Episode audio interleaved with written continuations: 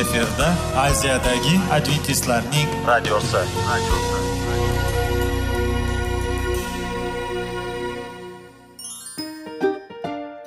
Assalomu alaykum aziz radio tinglovchilar.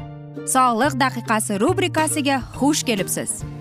Zero tananing sog'lom bo'lishi va uning kasalliklardan saqlash har bir insonning burchi hisoblanadi. Inson uchun bebaho boylik bu sog'liq salomatlikdir. Uni asrash esa har birimizga omonat qilib berilgan. Shuning uchun ham inson o'z sog'lig'ini ehtiyot qilishi voajib amallardan hisoblanadi. Dono xalqimiz sog'liq tuman boylik deb bejiz aytmagan. Aql idroq sohibi bo'lgan inson o'z hayotini qadrlashi lozim bo'ladi. Hozirgi kunda qanchalik dori darmonlar ko'paymasin tibbiy muassa sifati shifokorlar vasiyasi tibbiy texnika yaxshilanmasin. Agar insonning o'z salomatligi haqida qayg'urmasa kutilgan natijaga erishib bo'lmaydi va biz sizlarga bizning dasturimizga xush kelibsiz deymiz.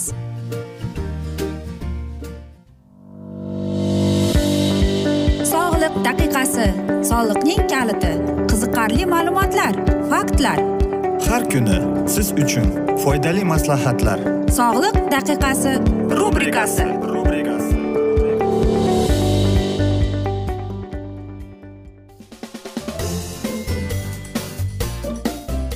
assalomu alaykum aziz radio tinglovchilar. Dasturimizga xush kelibsiz va biz sizlar bilan sog'lom ovqatlanish deb nomlangan dasturda xushvaqt bo'ling deb aytamiz.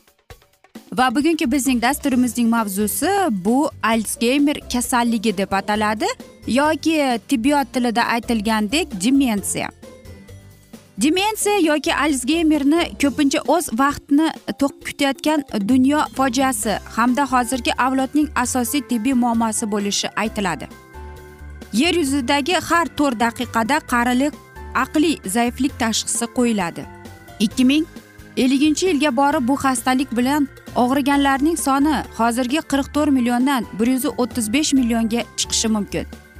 Ayni paytda e, demensiyani davolashga jahon bo'yicha olti yuz to'rt milliard dollar sarflanadi.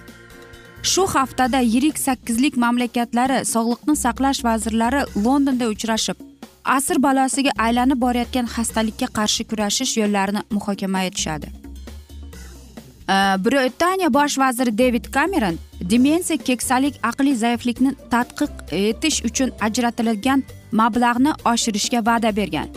Agar olimlar xalta pul va muhim siyosiy dastak oldi deylik. Ular bu xastalikka qarshi kurashda nima qilishlari mumkin degan savol kelib chiqadi. Demensiya o'zi nima?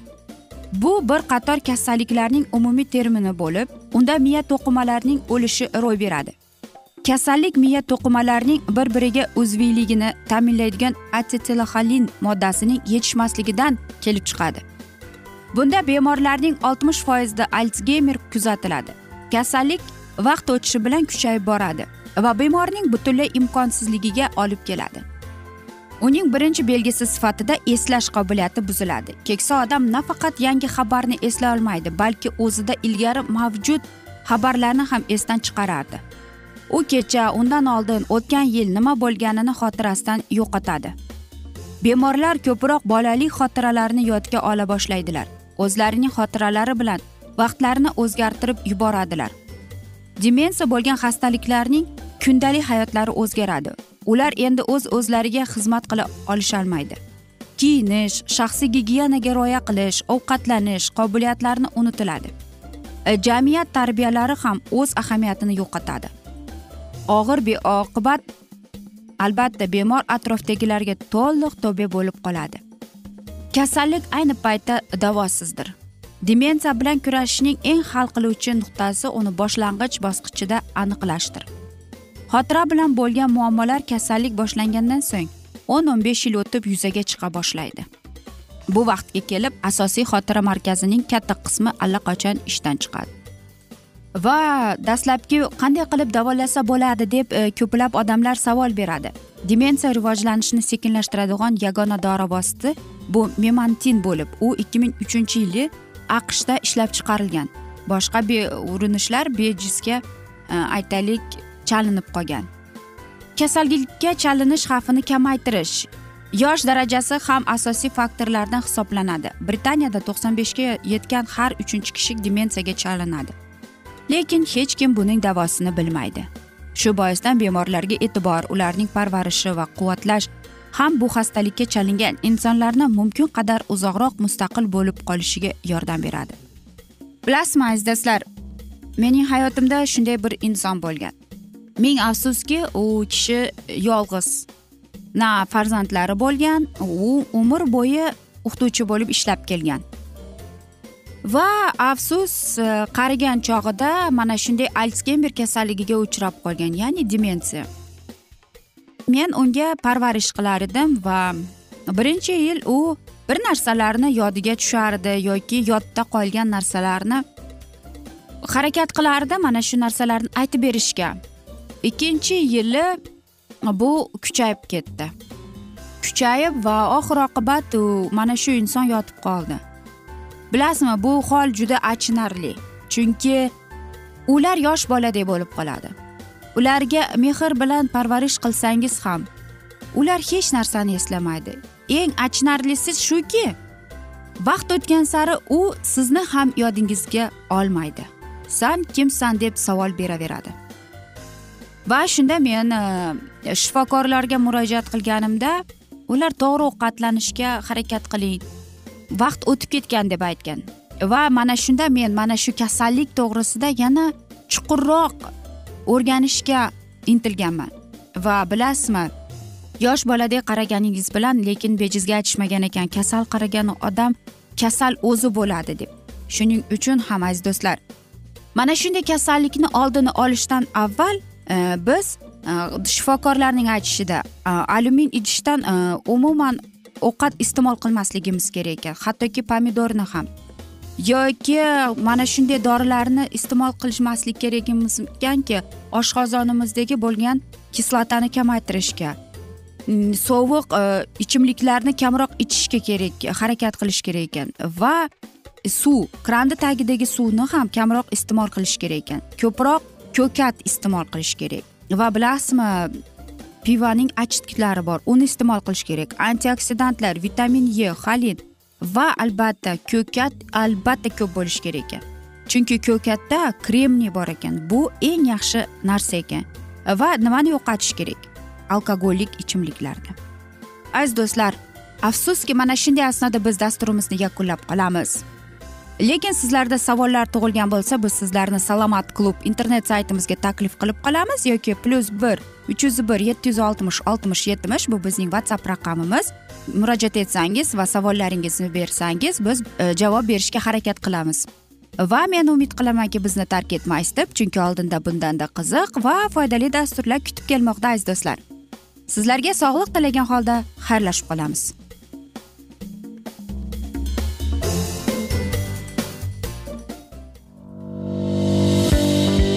Sog'liq daqiqasi soliqning kaliti qiziqarli ma'lumotlar faktlar. Har kuni siz uchun foydali maslahatlar. Sog'liq daqiqasi rubrikasi.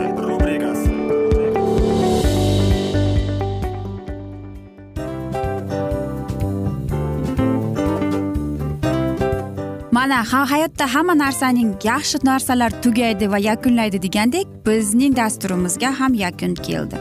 O'ylaymanki bizning dasturimiz sizga foydali bo'ldi deb aziz radio tinglovchimiz. Va siz o'zingiz uchun kerakli xulosalar kerakli maslahatlar olib oldingiz. Aziz radio tinglovchimiz biz bilan qoling va keyingi dasturlarimiz albatta undanda qiziqroq bo'ladi. Mana shu alfozda sizlar bilan xayrlashib qolaman.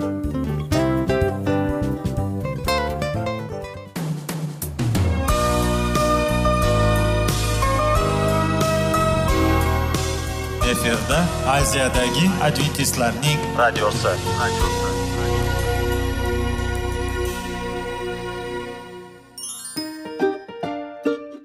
Assalomu alaykum aziz radio tinglovchilarimiz. Dil izhori dasturimizga xush kelibsiz. Pul insonni baxtli qiladimi? Albatta yo'q. Sog'liqchi? Albatta bo'lishi mumkindir. Lekin olimlar shuni isbotlashdiki to'liq va mukammal munosabatlar insonlarni baxtli qilar ekan. Albatta biz hayot davomida biz yaqin insonlar bilan odamlar bilan aloqada bo'lamiz va ular bilan munosabatlarimiz qanday kechadi qanday tuziladi? Yigit va qiz er va xotin ota ona va farzandlar va yaqin insonlar bilan. Balkim hozirgi vaqtda kimnidir hayoti yoki munosabatlari buzilyapti va bizning dasturlarimiz ularga yordam bo'ladi deb va oldinda sizlarni qiziqarli intervyular va mavzular kutyapti va biz umid qilamizki siz biz bilan qolasiz deb.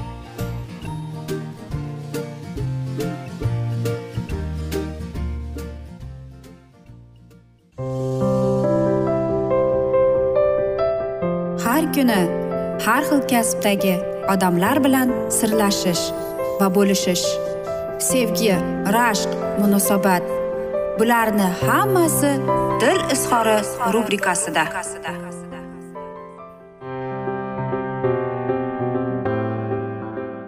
Assalomu alaykum aziz radio tinglovchilar. Dasturimizga xush kelibsiz va biz sizlar bilan izlash va ushlab qolish degan dasturda xushvaqt bo'ling deb aytamiz. Va bugungi bizning dasturimizning mavzusi bu oilaviy hayot haqidagi tasavvurlar deb ataladi. Oila mustahkamligiga hal qiluvchi ta'sir etuvchi nikoh oldi omillaridan yana biri bu yoshlarning o'z oilaviy hayoti haqidagi tasavvurlaridir. Ularning qanchalik reallikka yaqin bo'lishi shu oila mustahkamligining bosh garovi hisoblanadi. Afsuski hamma vaqt ham yoshlarimizning oilaviy hayot haqidagi tasavvurlari reallikka mos kelavermaydi. Balki u aksariyat hollarda reallikdan tubdan farq qiladi. Hind afsonalaridan e, birida yoshlarning oilaviy hayot haqidagi tasavvurlari va ularning reallikka nisbatan qiyoslashga mos keladigan ajoyib bir rivoyat mavjud. Rivoyatda aytilishicha tug'ilganidan ko'zi ojiz bo'lgan to'rt nafar ko'rga qarshiligingizga e, fil turibdi. Sizlar uchun umuman ko'rmaysizgansizlar. Lekin uni borib ushlab paypaslab o'rganib chiqinglarda so'ngliga fil qanday maxluq ekanligini aytib beringlar deyilgan. Ko'rlar borib filni o'rganib qaytgandan so'ng ulardan fil qanday hayvon ekanligini so'raganda ulardan biri aytdi fil badani dag'al daraxtga o'xshagan hayvon debdi. Ikkinchisi uni inkor etdi yo'q fil yerdek yumaloq odamning quloqchi etmaydigan bir hayvon debdi.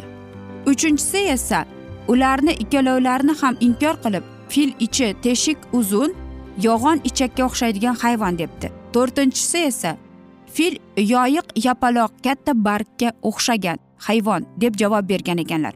Va ularning har biri o'z fikrini ma'qullayman o'tkazaman deb bir birlari bilan janjallashib qolgan ekanlar. Chunki ularning biri filning oyog'iga ikkinchisi qorniga uchinchisi xartumiga va to'rtinchisi qulog'iga to'g'ri kelib qolib o'zlarining imkoniyatlari doirasida filni tasavvur qilgan ekanlar. Xuddi shu to'rtta ko'zi ojizdek yoshlarimiz ham oilaviy hayotni butun borligicha to'la yaxlit tasavvur qilolmaydilar buning imkoni ham yo'q.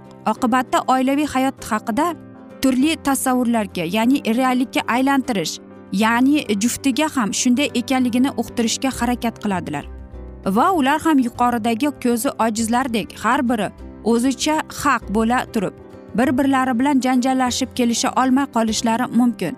Yoshini tanigandan boshlab ertaklar ruhida badiiy filmlar romanlar afsona rivoyatlar ruhida tarbiyalanayotgan yoshlarimizda hamma vaqt ham oilaviy hayot haqida to'g'ri tasavvurlar shakllanaverish mumkin emas. Ommaviy axborot vositalari orqali teleko'rsatuvlar radio yetishmovchiliklar orqali yoshlarni oilaviy hayotga tayyorlash borasida berilayotgan materiallarda oilaviy hayotni bir yoqlama faqat ijobiy tomondan talqin qilish hollari ham ko'p kuzatiladi. Ha bu kabi holatlar ham yoshlarda oilaviy hayotdagi noto'g'ri shakllanishga sabab bo'ladi. Ko'pchilik yoshlarimiz ayniqsa muvaffaqiyatli oilalarda tarbiya olgan yoshlar oila qurish arafasida bo'lar ekanlar aksariyat hollarda. O'zlarining bo'lajak oilaviy hayotlari uchun o'z ota onasi oilasini ideal qilib oladilar. Chunki ular shu oilada tarbiyalanar ekanlar. Eslarini taniganlaridan buyon ota onasining nizolashib tortishganlarini bir birlarini hurmatsiz qilganliklarini eslay olmaydilar. Bunday oilalarda ota ona ham o'zlarining o'zaro munosabatlardagi noxush jihatlarni farzandlariga sezdirmaslikka harakat qiladilar. Yoki ularning o'zaro munosabatlarida ro'y berishi mumkin bo'lgan nizoli odamlar yoki bir birlariga moslashish jarayonlari nikohning boshida hali farzandlari dunyoga kelmasliklaridan oldin bo'lib o'tgan ish. Bolalar esa ularning turmushining faqat yaxshi tomon tinch totuv yaqin inoqlik tomonini ko'rib kelgan. Shuning uchun ham yoshlarni oilaviy hayotga tayyorlashda oilaviy hayot er xotin munosabatlarini faqat bir yoqlama va faqat yaxshi tomondagina ko'rsataverish ham maqsadga muvofiq emas. Uni imkon qadar butun borligicha balandu pastiyu shirin achchig'i rohat farog'atu azo uqubatni qorong'i kechalariyu yorug' kunduzlarini bilan ko'rsatgan ma'qul. Shundagina yoshlarimizda oilaviy hayot haqida nisbatan adekvatroq tasavvur shakllanishi mumkin. Bu borada oiladagi katta yoshli oqil kishilar yoshlarga hayotda ko'proq bo'lmog'i ularning bosib o'tgan ko'p qirrali hayot hali farzandlariga saboq bo'lishi kerak. Ular yoshlarimizni mustaqil yetuk bir shaxs sifatida qabul qilib oilaviy hayotning past balandlari haqida to'la to'qis ma'lumotlar berish maqsadiga muvofiqdir. Toki yoshlarimiz oilaviy hayotlari poydevoriga qo'yayotgan ilk g'ishlari to'g'ri va mustahkam qo'yilsin deydi.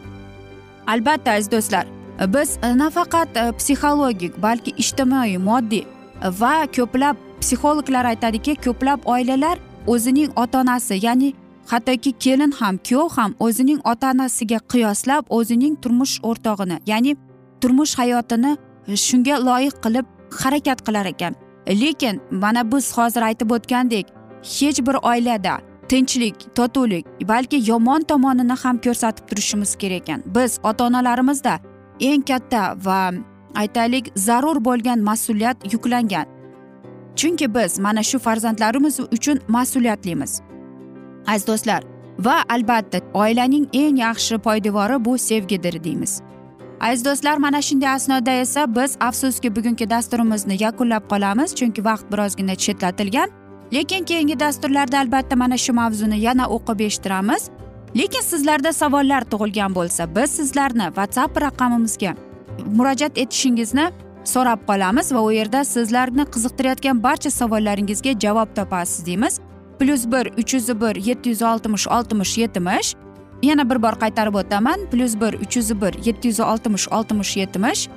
Va men umid qilamanki bizni tark etmaysiz deb chunki oldinda bundanda qiziq va foydali dasturlar kutib kelmoqda deymiz. Sizlarga va oilangizga sog'lik salomatlik tilab o'zingizni ehtiyot qiling deb xayrlashib qolamiz.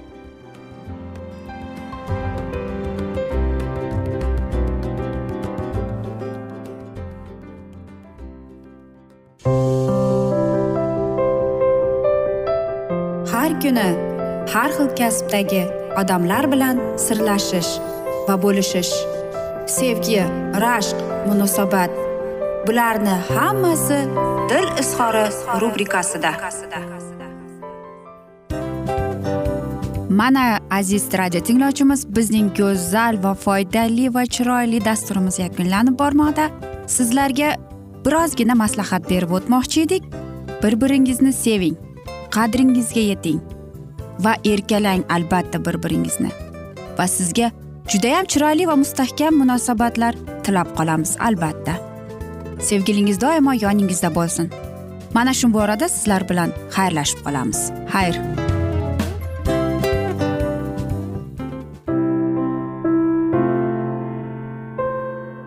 Hayotning noni qiziqtirgan savollar va javoblar. Buning hammasi ko'ngil uchun oziqa rubrikasida.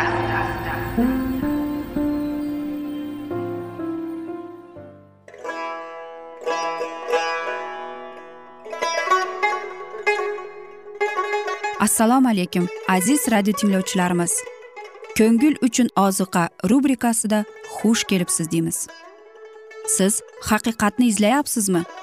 Olamnimi umidnimi siz kimga murojaat qilmoqchisiz? Odamlar ko'pincha siyosat kuchiga tayanadilar. Dunyo iqtisodiyoti holati tobora chuqurlashib bormoqda. Tabiiy ofatlar va texnogen halokatlar minglab insonlarning hayotini olib ketib juda katta zarar yetkazmoqda. Sizga abadiy hayot inomini hadya qiluvchi va hayotingizni tubdan o'zgartiruvchi haqiqatni izlab toping. Xudo haqidagi haqiqat uning kalomida mujassamlashgan. Kimki bu haqiqatni butun qalbi bilan izlasa albatta unga yetishadi. Bu sevgi xudoning tarixidir. Hayotingizda yoki sizning yon atrofingizdagi olamda nimalar yuz berishidan qat'iy nazar siz ertagi kunga buyuk umid va ishonch hosil qilishingiz mumkin. Hozirda xudo sizga taklif qilayotgan umid ishonchga o'z qalbingizni oching va sizni qiziqtirayotgan mavzularni savollaringizga javoblaringizni topib olasiz deb umid qilamiz. Biz bilan qoling.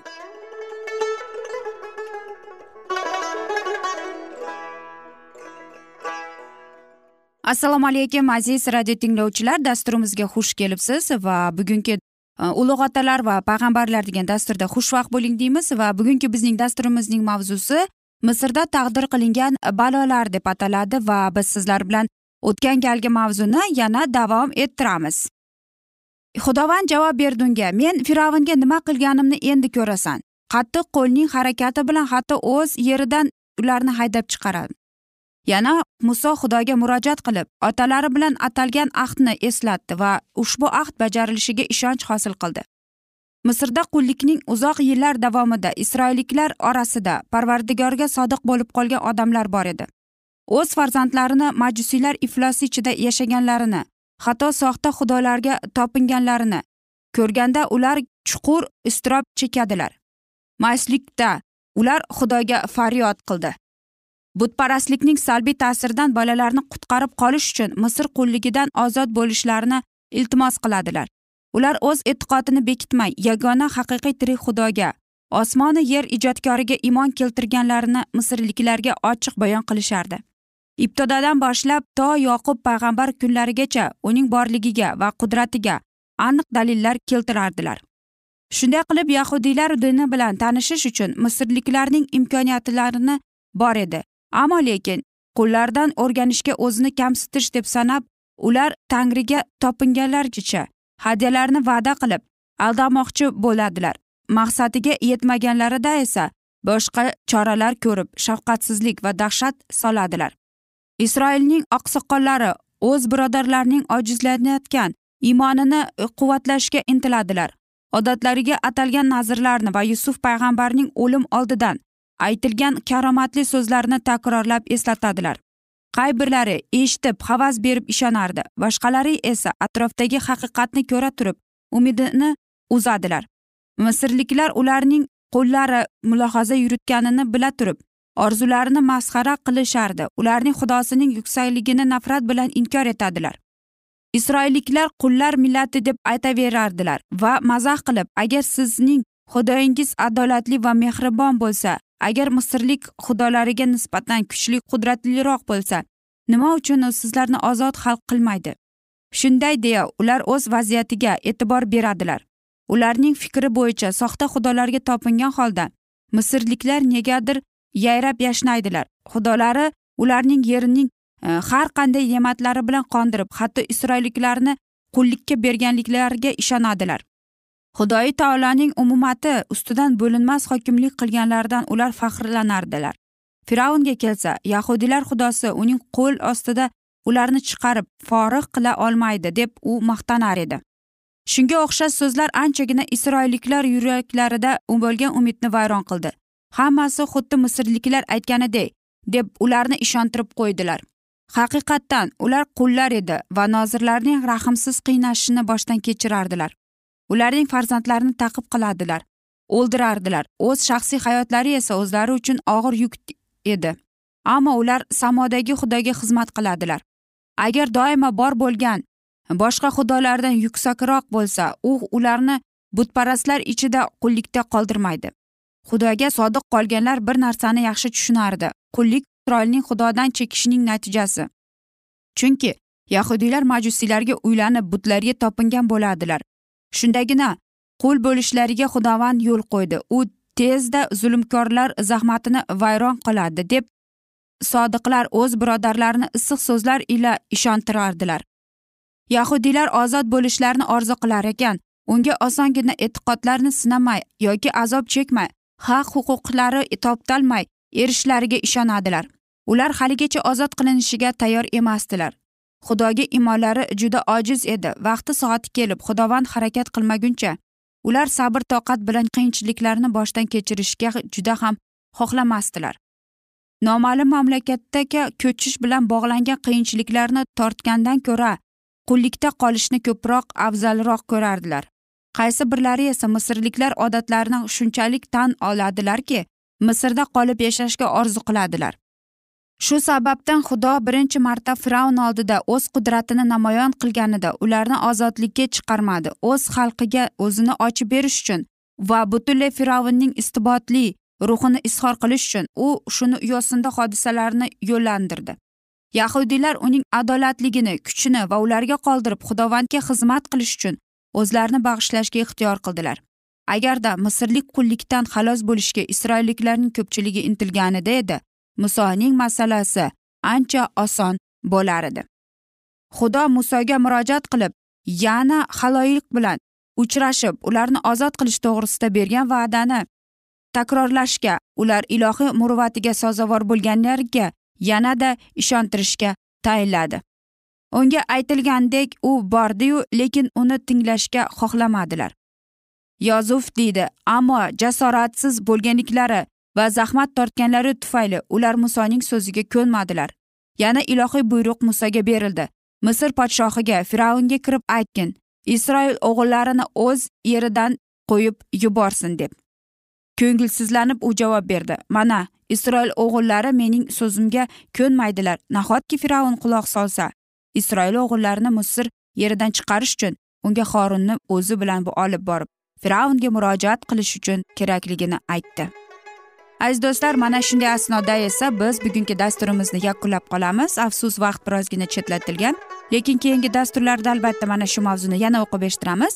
Va agar sizlarda savollar tug'ilgan bo'lsa biz sizlarni plyus bir uch yuz bir yetti yuz oltmish oltmish yetmish e, plyus bir e, uch yuz bir yetti yuz oltmish oltmish yetmish bizning whatsapp raqamimiz.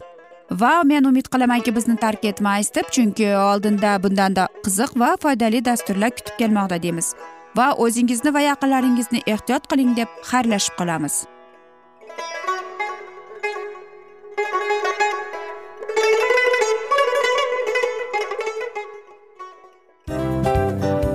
Hamma narsaning yakuni bo'ladi degandek afsuski bizning ham dasturlarimiz yakunlanib qolyapti. Va biz o'ylaymizki bizning dasturimizdan o'zingiz uchun kerakli va foydali maslahatlar olib oldingiz. Sog'liq borasida sizga foydali maslahat berganmiz deb umid qilaman albatta. Va sizlarga mana shu borada sog'liq tilab qolaman. Munosabatlarga kelganda esa sizlarga sevgi omad va albatta yaxshi munosabatlar tilab qolamiz. Uchinchisiga kelganda esa bu juda chuqur va e'tiborli nazarni qumsaydi. Va sizlarga mana shu yaxshilik kayfiyatda sizni kayfiyatingizni ko'targan holda sizlar bilan xayrlashib qolaman afsuski. Ammo lekin keyingi dasturlarimiz undanda qiziq bo'ladi. Va siz biz bilan bo'ling bizni tanlaganingiz uchun sizlarga rahmat omad sizlarga xayr.